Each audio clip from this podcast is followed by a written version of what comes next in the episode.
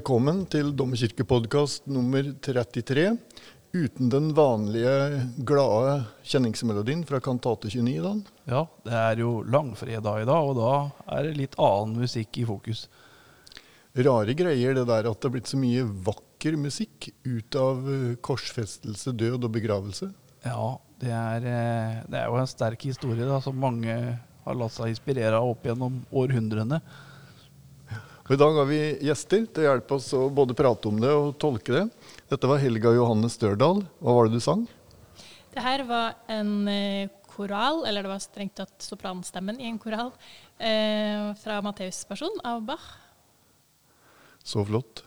Jeg tror det er mange, om ikke annet, så setter utrolig pris på langfredagen fordi at den er utgangspunktet for de to store personene til Johan Sebastian Bach.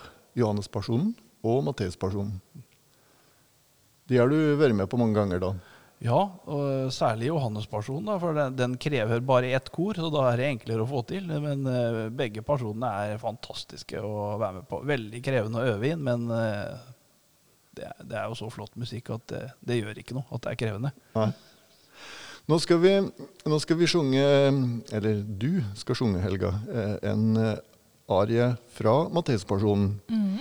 Og da har jeg bare behov for at du begrunner litt besetningen på den arien. Ja, den kan jeg ta ansvar for. Ja. Eh, det er altså Aus Liebe will mein Heiland sterben. Eh, som jo er en veldig fin sopranarie, syns jeg. Som vel opprinnelig er for fløyte og to oboer og sopran. Eh, det er jo ikke så koronavennlig å drive og dra inn så mange eh, musikere. Eh, men jeg hørte en veldig fin innspilling med bare akkordeon og sopran. Og så sendte jeg lenka til Tor. Ja, først så syns jeg at tenkte nå har du blitt gått fra konseptene, men så er det klart at jeg er jo ikke vond å be da, når det er snakk om trekkspilling.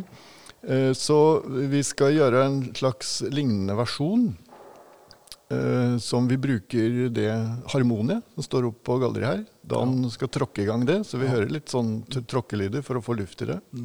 Så da blir det arie fra Matteus-personen i litt uvant besetning.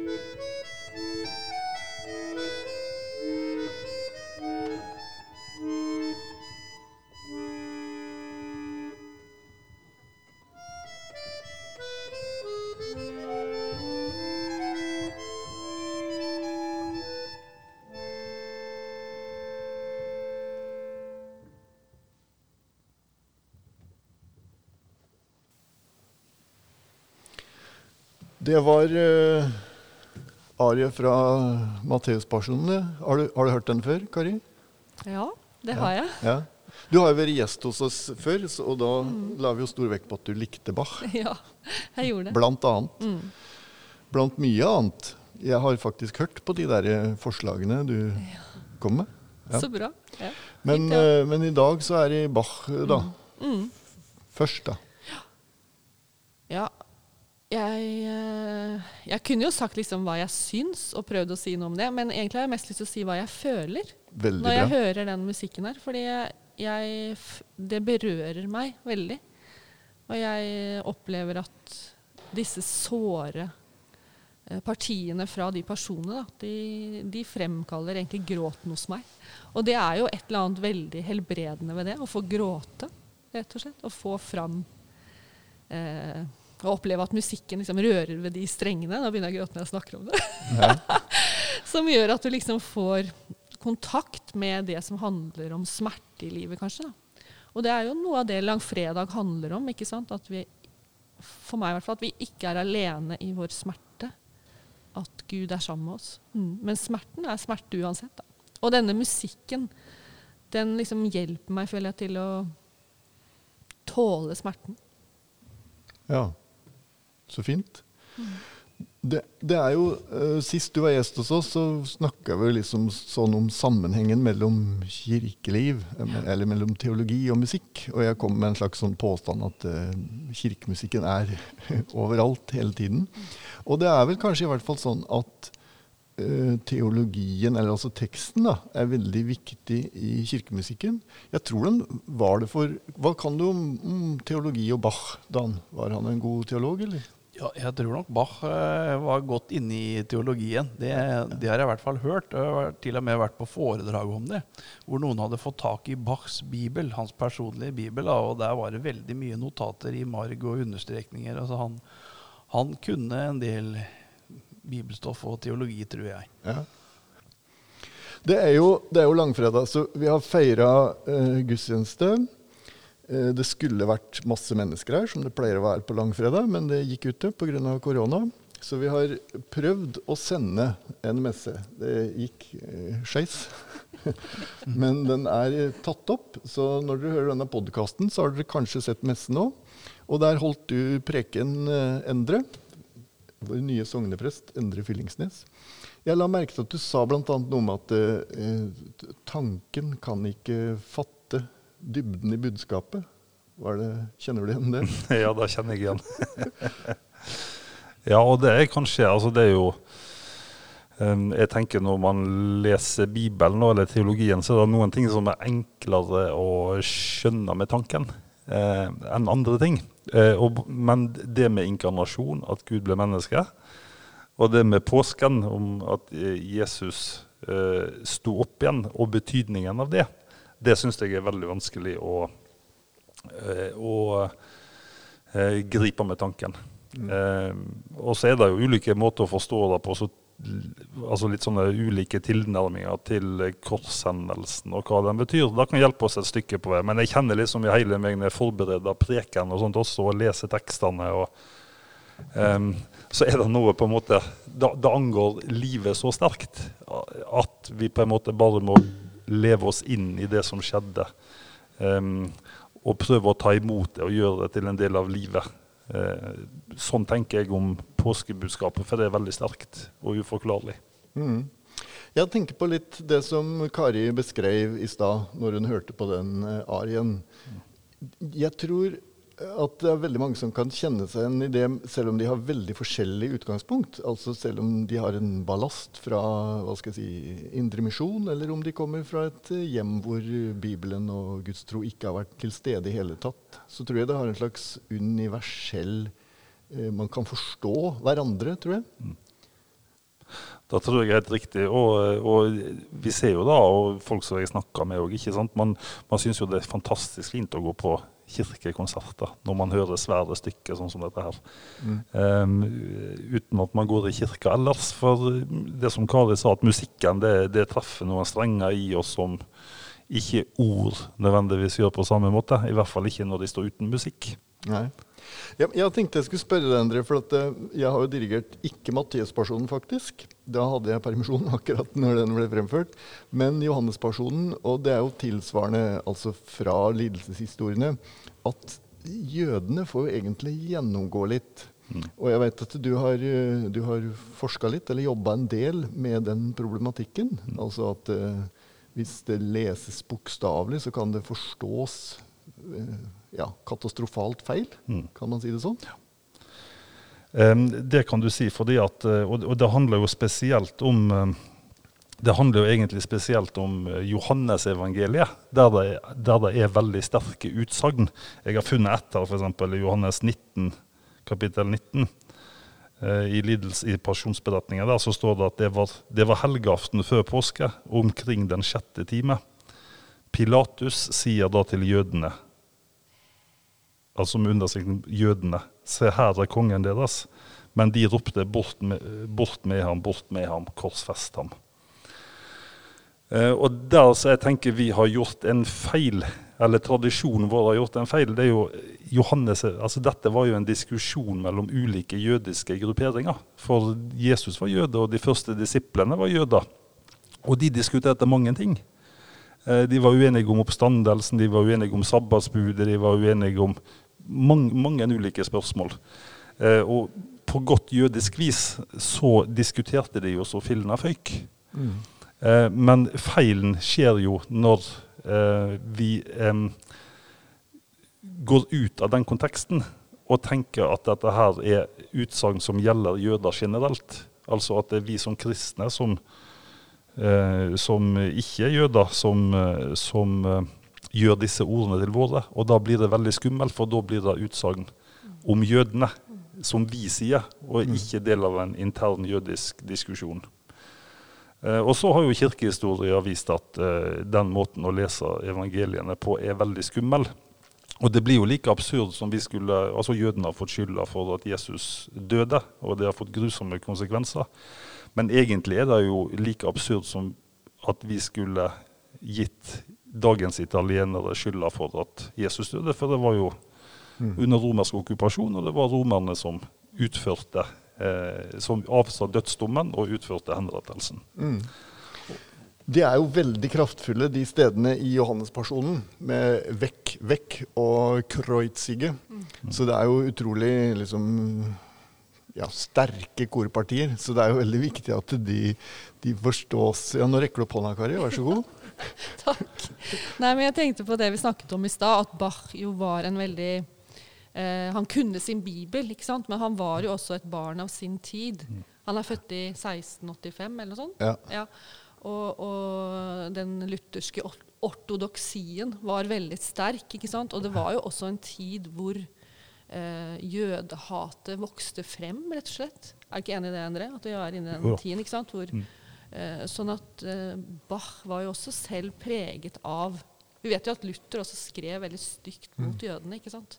At de var preget av sin tid. Og de er jo veldig veldig sterke, de partiene, som du sier. Og når man ser, eh, ser Berlinerfilharmoniens eh, og koret der sin fremføring av den, hvor den har en sånn enkel dramaturgi, på en måte, så er det veldig veldig sterkt, de anklagene som rettes mot jødene. Så Mm. Det er jo fantastisk forestilling som vi helt anbefaler. fantastisk. Ja, det er helt fantastisk Av, nydelig. Med Paul Sellers som har ansvaret oh, for scenografien. Mm. Helt nydelig. Ja. Men det er helt ekstremt sterkt, så det er jo veldig viktig at vi liksom ser det og kritiserer det og sier at uh, vi kan ikke forstå det sånn. Nei. Mm. Hvordan skal vi forstå det da, Kari? Ja, spør du meg. Nei, det er jo en Det er jo Jeg tenker at ja, Som Endre sier, at når eh, Johannes evangelisten skriver at jødene roper 'korsfest', så handler det jo om den folkegruppen som Eller de, den menneskemengden som var der. Eh, ikke om at jødene som folk roper 'korsfest'. Det er en beskrivelse av en menneskemengde. Ja, for der er det jo klare paralleller til dagens eh, Facebook og trolling. Og, så det er jo ikke noe vanskelig å trekke parallellen dit. Og så må vi jo ta liksom, på nytt og på nytt et oppgjør med den måten å forstå det på, som anklager jødene som folk for, eh, for Jesu død. Det må skje om igjen og om igjen og hele tiden, fordi disse tradisjonene er så sterke og møter oss på så mange måter. så må vi si det med ord. på nytt og på nytt tror jeg at det, det er ikke sånn det er å forstå. Det er ikke sånn det er. Nei.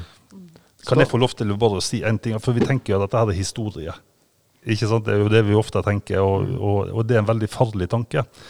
Jeg er jo på Twitter, eh, og der ble jeg gjort oppmerksom på eh, at det var en brasiliansk politiker som heter Roberto Jefferson, som er leder for et eh, parti som sitter i det brasilianske parlamentet, eh, med tolv representanter, og et støtteparti for president han Bolsonaro.